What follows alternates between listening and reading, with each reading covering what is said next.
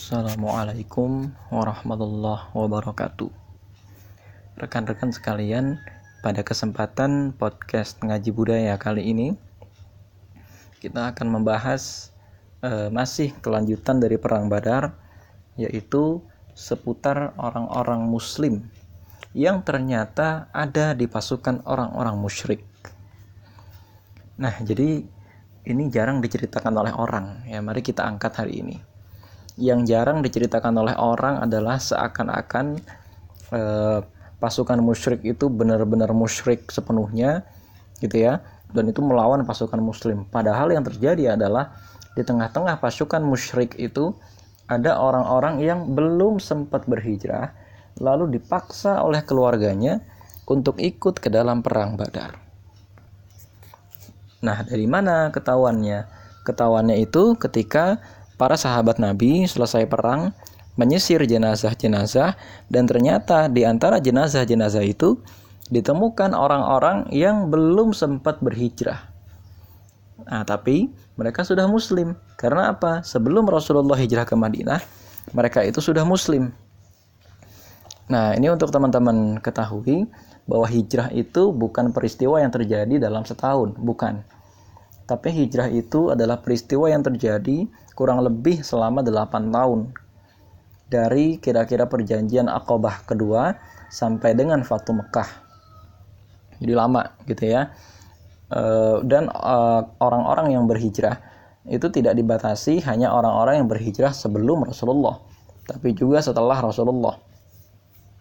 Dan orang yang dinyatakan terakhir sekali berhijrah oleh Rasulullah adalah Abbas bin Abdul Muthalib Abbas bin Abdul Muthalib itu berhijrah pada saat pasukan Rasulullah sudah mendekati kota Mekah dan Abbas itu ketemu di jalan. Nah, eh, rekan-rekan sekalian, eh, sampai di sini, gitu ya, sampai di sini ada beberapa hal yang ingin kita ketengahkan bahwa bagi orang-orang yang masih beralasan belum berhijrah, masih beralasan belum melakukan kebaikan orang-orang yang masih beralasan untuk tidak berbuat amal kebaikan bersama dengan kawan-kawannya, ada ancaman Allah yang keras sekali bagi dia. Nah, ceritanya begini. Ketika perang Badar itu berkecamuk, rupanya satu demi satu orang-orang muslim itu menyadari bahwa ada orang-orang yang juga muslim di pihak musuh. Nah, di antara mereka ternyata empat orang itu terbunuh Pertanyaannya sekarang, kok bisa mereka ikut? Rupanya memang mereka ikut itu itu disuruh atau dipaksa oleh keluarganya, diikat, diancam dan lain sebagainya sehingga mereka ikut. Dan tidak seperti e, orang lain misalnya yang pada beberapa kali peperangan sebelum perang Badar. Nah, perang Badar dikatakan perang pertama, tapi sesungguhnya perang Badar itu perang pertama yang besar. Sebelumnya ada perang-perang kecil. Nah, di antara perang-perang kecil itu ada dua orang yang sempat e, membelot dari pasukan Quraisy kepada pasukan Islam. Jadi mereka itu nebeng ke pasukan Quraisy kepada pasukan Islam. Salah satu di antara mereka misalnya Utbah bin Ghazwan radhiyallahu an. Dia ini termasuk salah satu as-sabiq kunal awalun tapi kemudian tertahan berhijrah karena apa? Dipaksa oleh keluarganya. Suatu ketika ketika orang-orang Quraisy mengirim pasukan, Utbah bin Ghazwan itu ikut dan ketika pasukan itu berhadapan, Utbah bin Ghazwan itu kabur dan berpihak kepada Rasulullah. Sehingga Utbah bin Ghazwan itu malah menjadi orang muhajirin. Tapi ternyata ada orang-orang yang kurang beruntung. Nah rupanya malah mereka itu dipaksa keluarganya untuk ikut perang badar. Nah ketika sahabat-sahabat Nabi menyisir eh, siapa saja korban yang masih ada di sana gitu ya yang masih ada di medan lembah Badar itu yang ditinggal oleh orang-orang musyrik ternyata qadarullah ada empat orang yang belum sempat hijrah. Tapi mereka itu sudah muslim tapi terlanjur masuk ke dalam barisan pasukan musyrikin. Ini repot teman-teman sekalian. Bayangin kalau ada orang-orang yang di tengah-tengah kita sekarang dengan berbagai alasan mereka sudah muslim, keberpihakannya sudah kepada kita, tapi karena alasannya itu menyebabkan secara lohir fisik mereka, pedang mereka gitu ya, ada di pihak orang-orang musyrik, pedang mereka terarah kepada kita dan mereka mati sia-sia akibat terbunuh dalam perang melawan kita. Berkaitan dengan ini, Allah Subhanahu wa taala menurunkan firman-Nya dalam surat An-Nisa ayat 97. A'udzu billahi minasyaitonir rajim. Innalladzina tawaffahumul malaikatu zalimi anfusihim. Qalu fi ma kuntum. Qalu kunna mustad'afina fil ard. Qalu alam takun ardullahi wasi'ah. Fatuhajiru fiha. Faulaika ma'wahum jahannam. Wasa'at masir. Sadaqallahu azim Sungguhnya orang-orang yang diwafatkan malaikat dalam keadaan menganiaya diri sendiri. Dikatakan kepada mereka, malaikat bertanya, dalam keadaan bagaimana kamu ini? Kata malaikat nanti pada saat mereka sudah di akhirat. Mereka menjawab, adalah kami orang-orang yang tertindas mustad'afin di kota Mekah itu.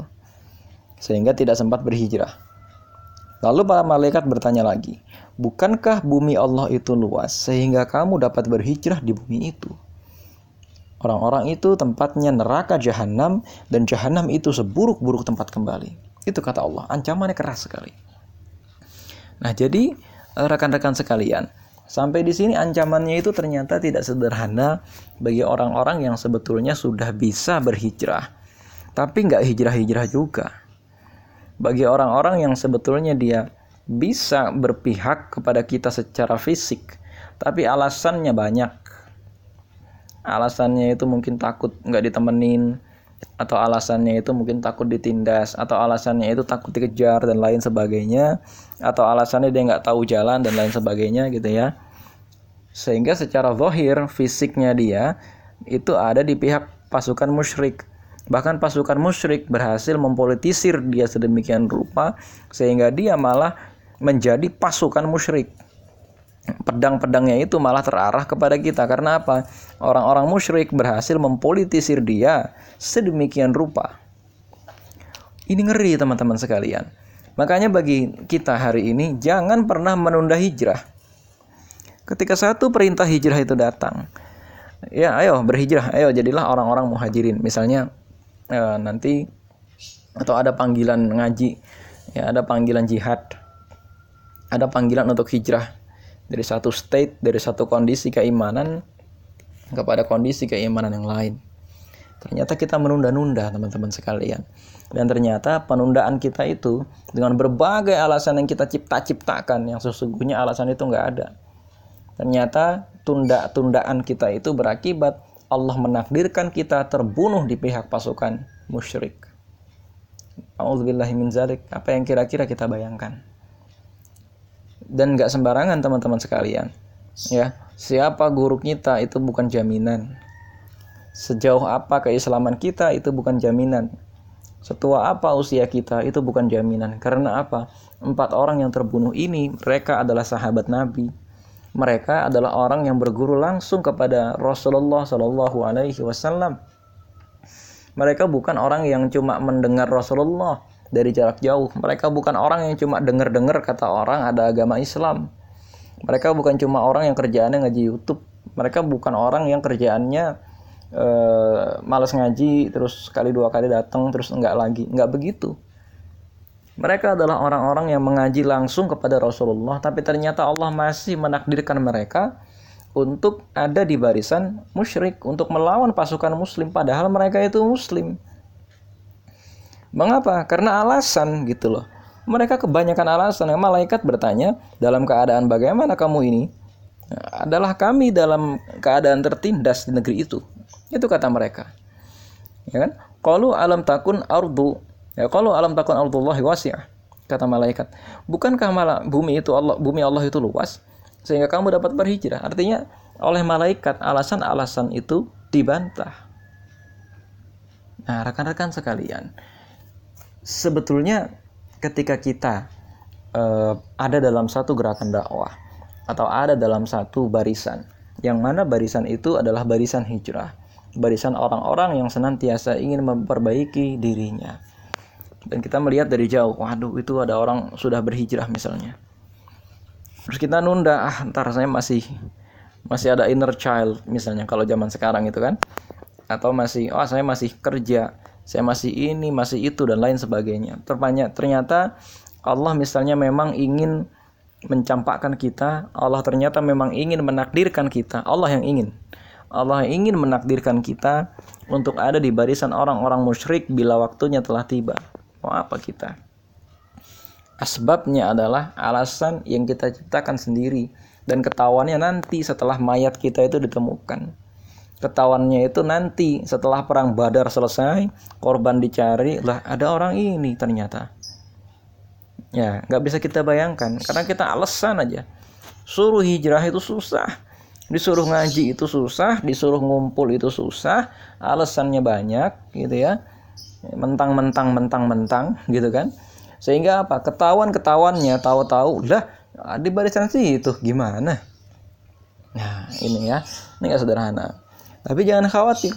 Allah ternyata menurunkan ayat selanjutnya. Surat An-Nisa ayat 98. Ya. Illal mustad'afina minar rijal wan nisa wal wildani la yastati'una hilah wa la yahtaduna sabila. Kecuali mereka yang tertindas, baik laki-laki atau wanita ataupun anak-anak yang tidak mampu berdaya upaya dan tidak mengetahui jalan untuk hijrah. Ya, yastati'una hilalah wala yahtaduna sabila. Ya, ini ya. Jadi mereka yang la yastati'una hilala dan mereka yang wala yahtaduna sabila. Jadi mereka yang memang betul-betul tidak punya daya dan upaya, yang alasannya betul-betul syar'i sehingga mereka tidak bisa bergabung ke dalam gerakan hijrah itu sehingga mereka tidak bisa bergabung ke dalam jamaah dakwah itu. Mereka yang ibaratnya kalau disuruh kumpul, yuk kumpul, ngaji yuk ngaji, tapi nggak pernah bisa datang. Alasannya misalnya memang ternyata dia menjaga orang tua yang sakit, atau dia ternyata tertahan oleh sesuatu yang menyebabkan dia tidak bisa pergi intinya begitu. Tapi alasannya itu betul-betul syar'i, ya. Dan yang kedua atau mereka itu nggak tahu jalan dalam tanda kutip misalnya oke okay, kalaupun mereka berhasil keluar meloloskan diri toh mereka nggak punya ongkos mereka juga nggak tahu jalan ke mana jalannya? Malah mereka nanti konyol mereka nanti bisa dibunuh oleh orang-orang musyrik. Kalau konteks di zaman sekarang itu adalah mungkin orang-orang ini memang uzurnya banyak dan uzurnya syar'i bukan uzur yang dibuat-buat Ya, contoh dalam konteks ini di kota Mekah itu banyak orang-orang muslim yang seperti ini, banyak sekali. Ya. Banyak orang-orang muslim yang memang belum bisa berhijrah karena memang dia dipenjara, dia disiksa, ya, dia diikat dan lain sebagainya. Atau memang mereka-mereka yang bekerja sebagai budak. Nah, kalau kita zaman sekarang itu ya sudah. Mereka-mereka yang memang pekerjaannya tidak memungkinkan untuk mereka bergabung ke dalam satu gerakan dakwah, Gitu ya, mudah-mudahan kata Allah dalam surat An-Nisa ayat 99 Wa mayuhajir fi sabilillahi yahdi. Uh, Faulaika asallahu ayyafu anhum. Nah, jadi kata Allah, mudah-mudahan Allah memaafkan mereka. Wa kanallahu afuwan ghafura. Mudah-mudahan Allah memaafkan mereka dan Allah Maha Pemaaf lagi Maha Pengampun.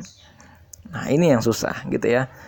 Jadi teman-teman sekalian, buat kita orang-orang yang mungkin memang sudah ada di barisan hijrah, sudah ada di lingkungan orang-orang yang sabiqun.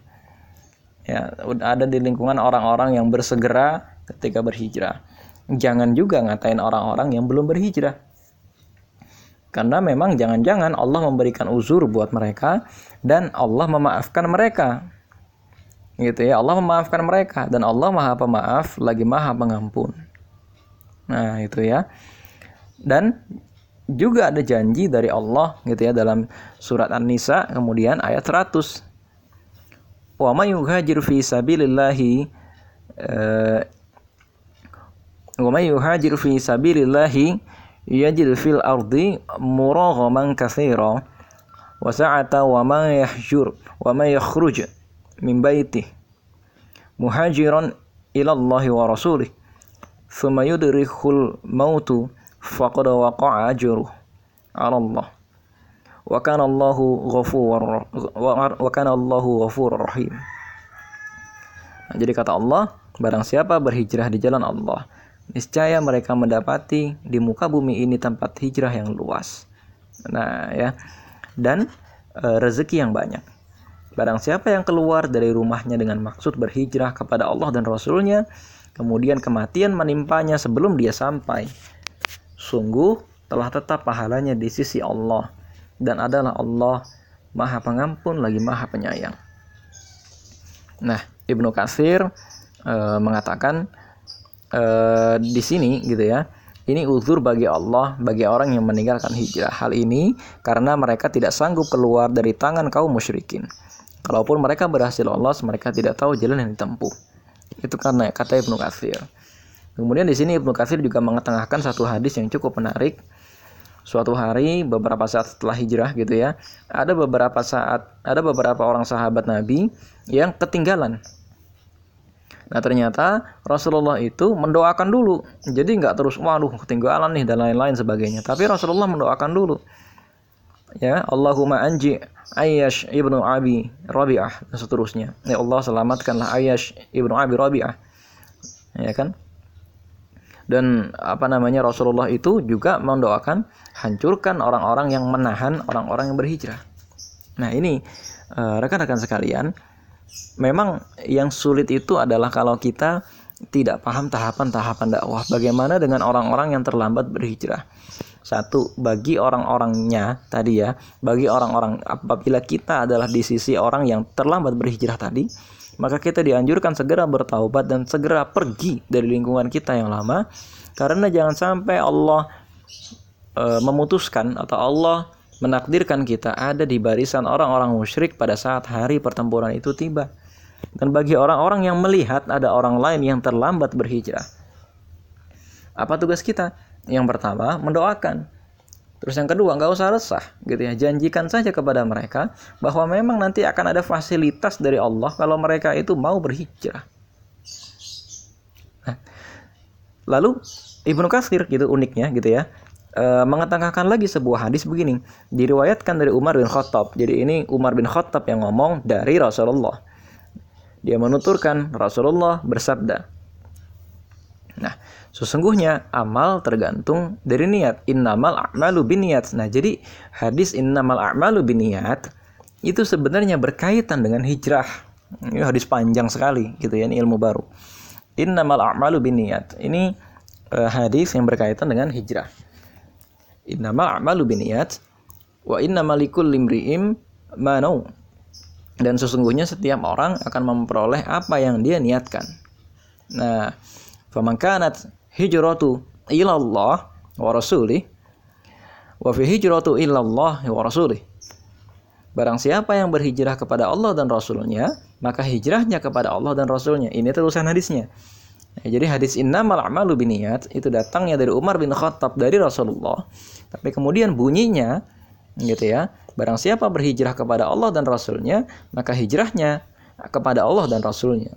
Dapat Allah dan dapat Rasulnya.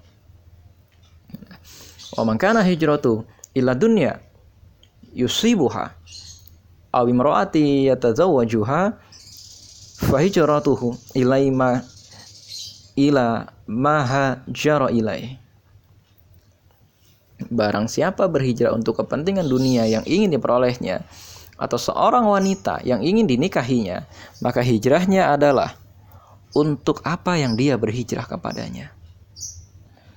Nah, ini yang jadi teman-teman sekalian, sebenarnya kalau ada orang di zaman sekarang gitu ya, oke okay lah ternyata ada orang-orang yang tadi ketinggalan di perang Badar, tapi kemudian ternyata ada lagi yang berkaitan dengan ayat ini juga gitu ya. Ibnu Katsir ternyata mengetengahkan bahwa bagaimana dengan orang yang berhijrah tapi kemudian niatnya bukan karena Islam tapi niatnya tadi bergabung ke dalam komunitas hijrah gitu ya pengen dapat wanita. Nah ini dipeketengahkan oleh Umar. Pengen dapat wanita yang ingin dinikahinya maka hijrahnya adalah untuk apa yang dia ingin berhijrah kepadanya. Artinya pahalanya nggak dapet.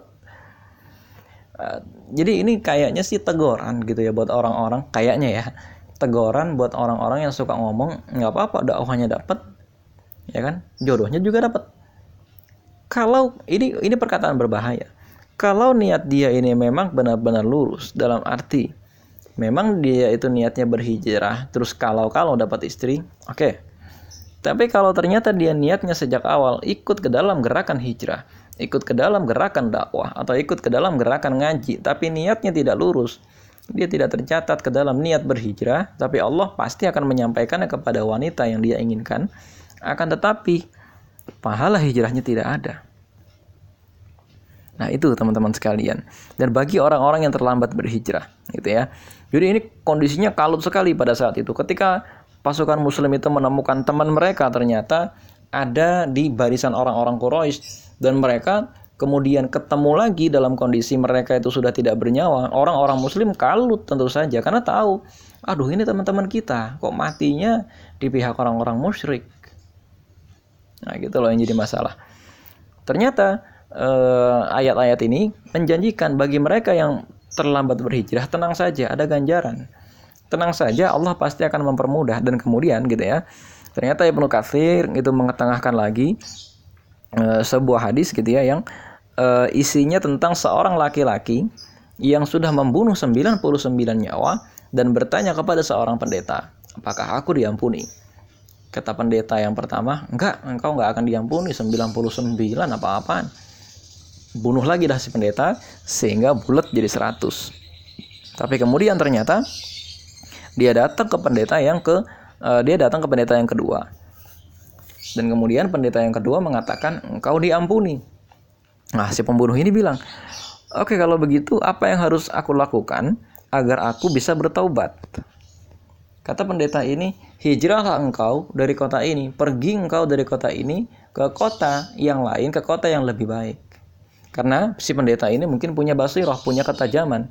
Barangkali memang pembunuhannya itu dilakukan karena situasi kotanya itu sudah sedemikian nggak baik buat dia. Atau barangkali memang kotanya baik-baik saja.